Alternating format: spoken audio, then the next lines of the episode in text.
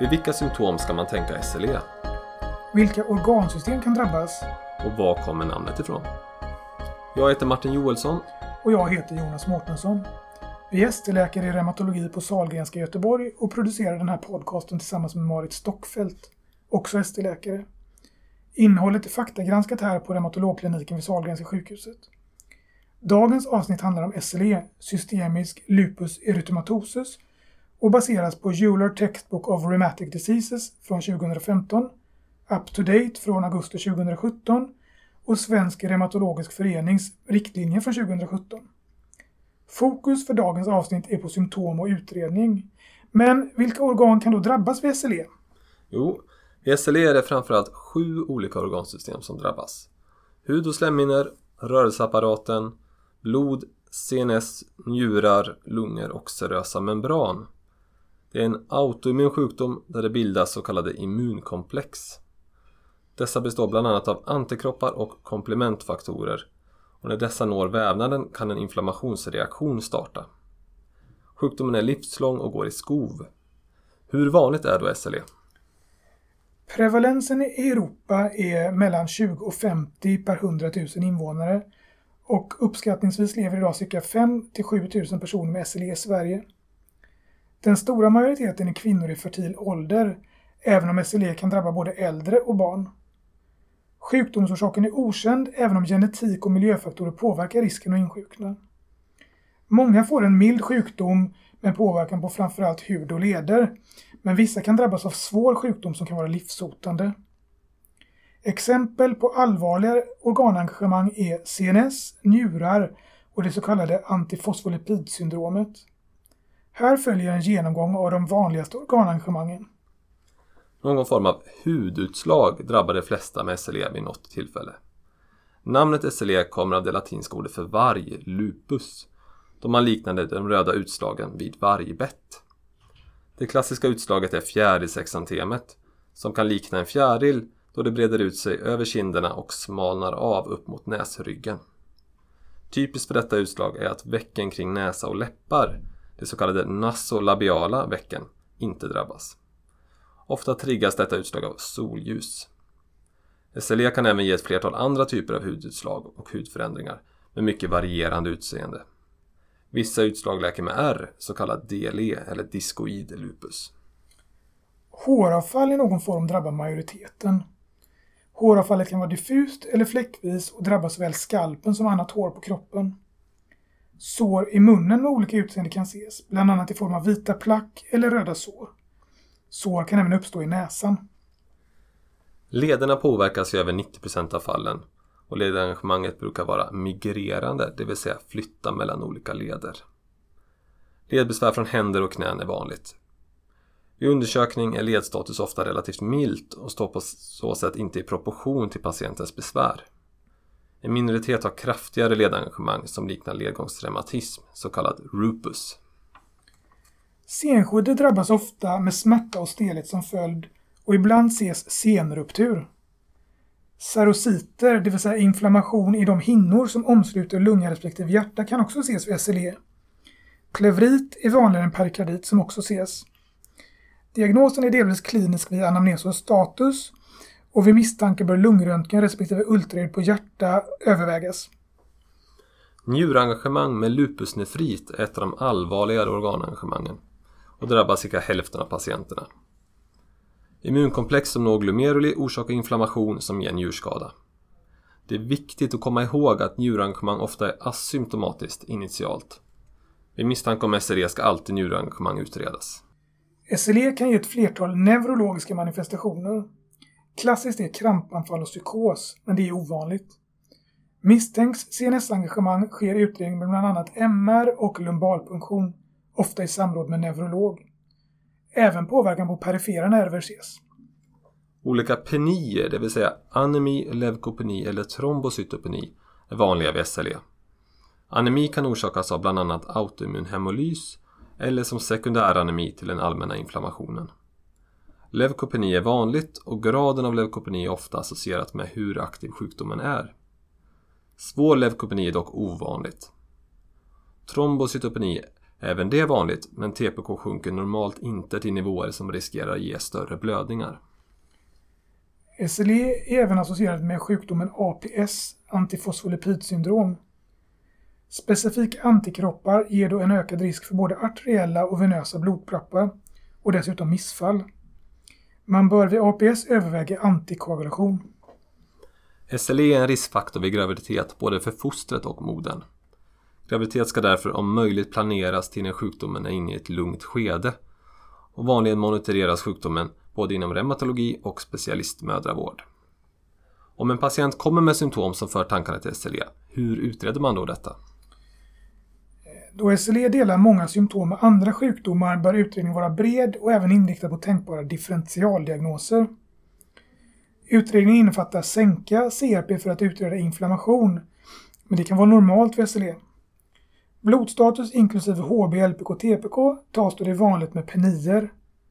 Njurengagemang ska alltid utredas och detta görs med urinsticka, urinsediment, kreatinin och blodtryck. Lungröntgen och EKG utförs med tanke på serociter. Komplementsystemet påverkas ofta vid SLE och provtagning för att mäta komplementfaktorerna C3, C4 och C3D ingår. Utredningen av det associerade antifosfolipidsyndromet görs med analys av LAC, kardiolipinantikroppar och antikroppar mot beta-2-glykoprotein. Ett av de viktigaste stegen i utredningen är att se om patienten har antinukleära antikroppar i sitt blod, det vill säga är ANA-positiv.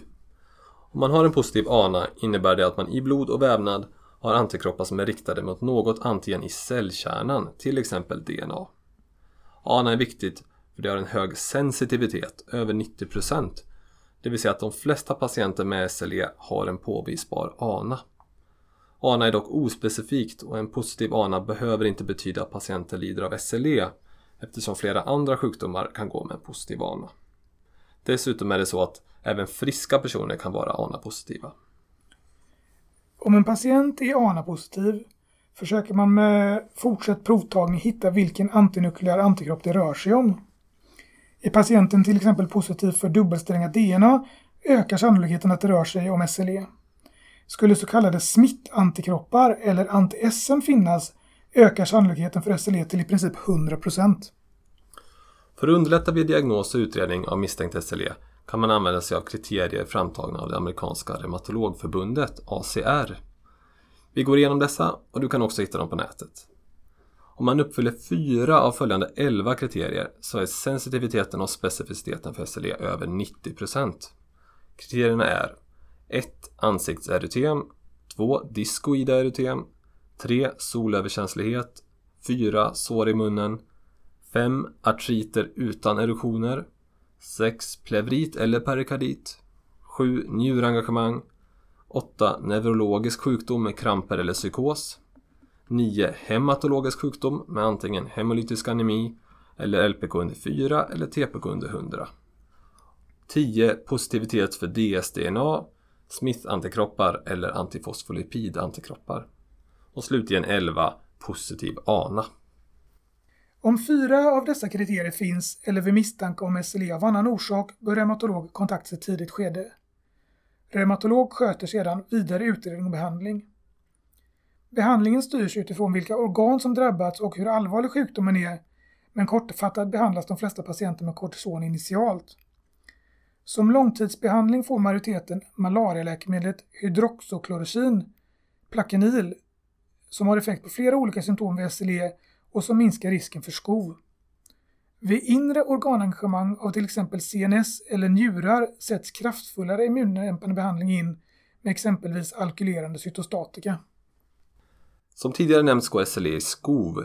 Ett skov ska misstänkas vid allmän försämring med till exempel ökad trötthet, feber eller tecken på engagemang av olika organsystem.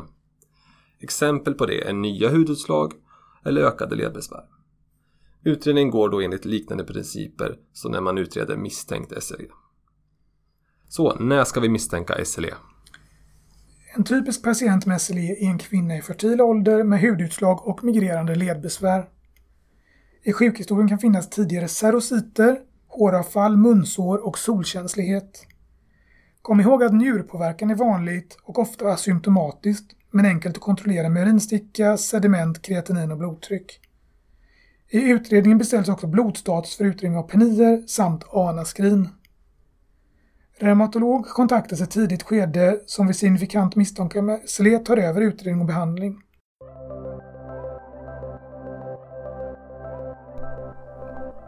Välkommen till Reumapoddens intervjudel. Idag pratar vi med Estelle Trysberg som är överläkare på reumatologen på Sahlgrenska universitetssjukhuset och har disputerat på SLE och neuropsykiatri vid SLE. Ja, Välkommen! det stämmer, tack. SLE är ju en ganska vanlig men ibland svårdiagnostiserad sjukdom. Vad tycker du man ska tänka på för att inte missa en SLE-diagnos? Jag tycker att man ska tänka på att det kan ibland ta tid att utveckla en, en SLE. Att om man har en misstanke om det, att man inte släpper patienten utan följer den. Eh, Den kanske inte behöver komma men man kan sätta den på en hör av dig vid behovlista, att de hör av sig regelbundet. Och vilka är de typiska symptomen? Det som får dem till reumatologen är ju ledbesvär. Eh, antingen att de liknar reumatoid artrit eller att de har de här mer typiska migrerande ledbesvären. Feber under lång tid utan orsak. Kanske inte 40 grader men en eh, 38-39 graders feber. Nytillkomna hudutslag, framförallt om man har varit i solen. Insättning av nya mediciner, till exempel p-piller, östrogeninnehållande hos unga kvinnor. Eller om man har fått andra mediciner, typ sulfa, som kan utlösa en SLE-liknande sjukdom. Sen är det tecken på eh, serositer, det vill säga lungsäcksinflammation eller hjärtsäcksinflammation. För de ofta till oss. Nytillkomna sår i munnen och då är det inte små blåsor utan det brukar vara regelbundna sår i hårda go- gommen. Profust håravfall. Att håret ramlar av en relativt lätt, ibland ledande till kala fläckar. Och vad bör vi vara uppmärksam på vid försämring hos en patient med SLE? Det är ungefär de här sakerna Ja. som vi har pratat om och som kan utlösa det, för det är det man brukar se i samband med ett skov. Men det är ju viktigt, många organ är ju tysta organ som till exempel njurinflammationen. Det märker ju inte patienten av förrän det har gått väldigt länge. Därför krävs det ju då att vi tar urinprover och blodprover för att se hur det ser ut. Och vad beror SLE på? Och är det en sjukdom eller är det många olika? Det är säkert så att det är många olika sjukdomar och vi pratar ju redan idag om till exempel läkemedelsutlöst SLE. Man brukade skoja när jag började en gång i tiden att i Lund fick man diagnos SLE, i eh, Malmö fick man diagnos Sjögrens syndrom. Så det är ju en diagnosbaserad sjukdom så ibland kan man ju fylla, upp, eh, fylla kriterierna för flera sjukdomar. Ibland pratar man på skoj om något som heter Rupus, det är SLE med väldigt uttalade ledbesvär, nära-liknande sjukdom. Vi vet att genetiken spelar roll, till exempel interferonvägen kan vara olika genetiskt. Och SLE som är associerat med ett fosfolipidantikroppssyndrom har ju en speciell bild och även ett fosfolipidantikroppssyndrom kan ju ha drag utav SLE så där finns det ett övergång mellan de här två sjukdomarna. Sen vet vi ju att beroende på hur eh, olika antikroppar man har vid SLE är förknippad med olika manifestationer vid SLE också. Mot RA utvecklas det ju ständigt nya läkemedel, men det var ett tag sedan. Visst är det så. Och man letar ju när det gäller SLE också. Och man provar ju väldigt mycket av de läkemedel som tas fram för reumatoid artrit provas ju även vid SLE. Man kan ju säga att de stora fälten där man tittar på det är ju olika former av anti-B-cellsbehandling. Där vi idag då har fått Benlysta som behandling och där eh, vi vet att Maptera har mycket god effekt vid mycket svår SLE. Och där det är flera andra eh, på gång. Man tittar även på T-cellerna där man prövar olika saker. Man tittar på de här JAK-hämmarna som nyligen är godkänd för reumatoid artrit och prövar vid SLE. Och något som kallas psykhämmare också är på gång. Och sen tittar man ju på anticytokinbehandling som tittar på interferonvägen och ger anti interferon alfa-behandling. Det pågår studier fortfarande så att visst är det på gång. Ja, det finns en del. mm. Du har ju arbetat mycket med SLE och graviditet. Mm. Eh, hur brukar patienter med SLE må under graviditeten? De brukar ju ofta må sämre under graviditet för vi vet ju att östrogennivåerna stiger i samband med graviditet och vi vet att östrogen kan utlösa SLE och inte utav godo för SLE, framförallt om man har en liten svårare sjukdom. Så att eh, det som vi har gjort de sista, som har kommit mycket de sista åren, det är ju det här man brukar, dels SLE-patienterna, att man tar upp tidigt när man träffar patienten, till och med på första besöket där man informerar patienten om att man ska vara del i deras graviditet, att graviditeten ska komma till stånd i ett lugnt skede utav sjukdomen och att man ska behandla gärna med antimalariamediciner under graviditeten. Sen vet man ju att de SLE-patienterna som har ett associerat fosfolipidantikroppssyndrom, de är ännu viktigare att följa eh, och har de haft någon manifestation, någon tromboembolisk episod så brukar man ju sätta dem på eh, antikoagulation i form av fragmin under graviditeten. Men där är det ju det, de går på specialistmödravården och det är även hos oss då att man ser dem ofta eller har kontakt ofta i alla fall.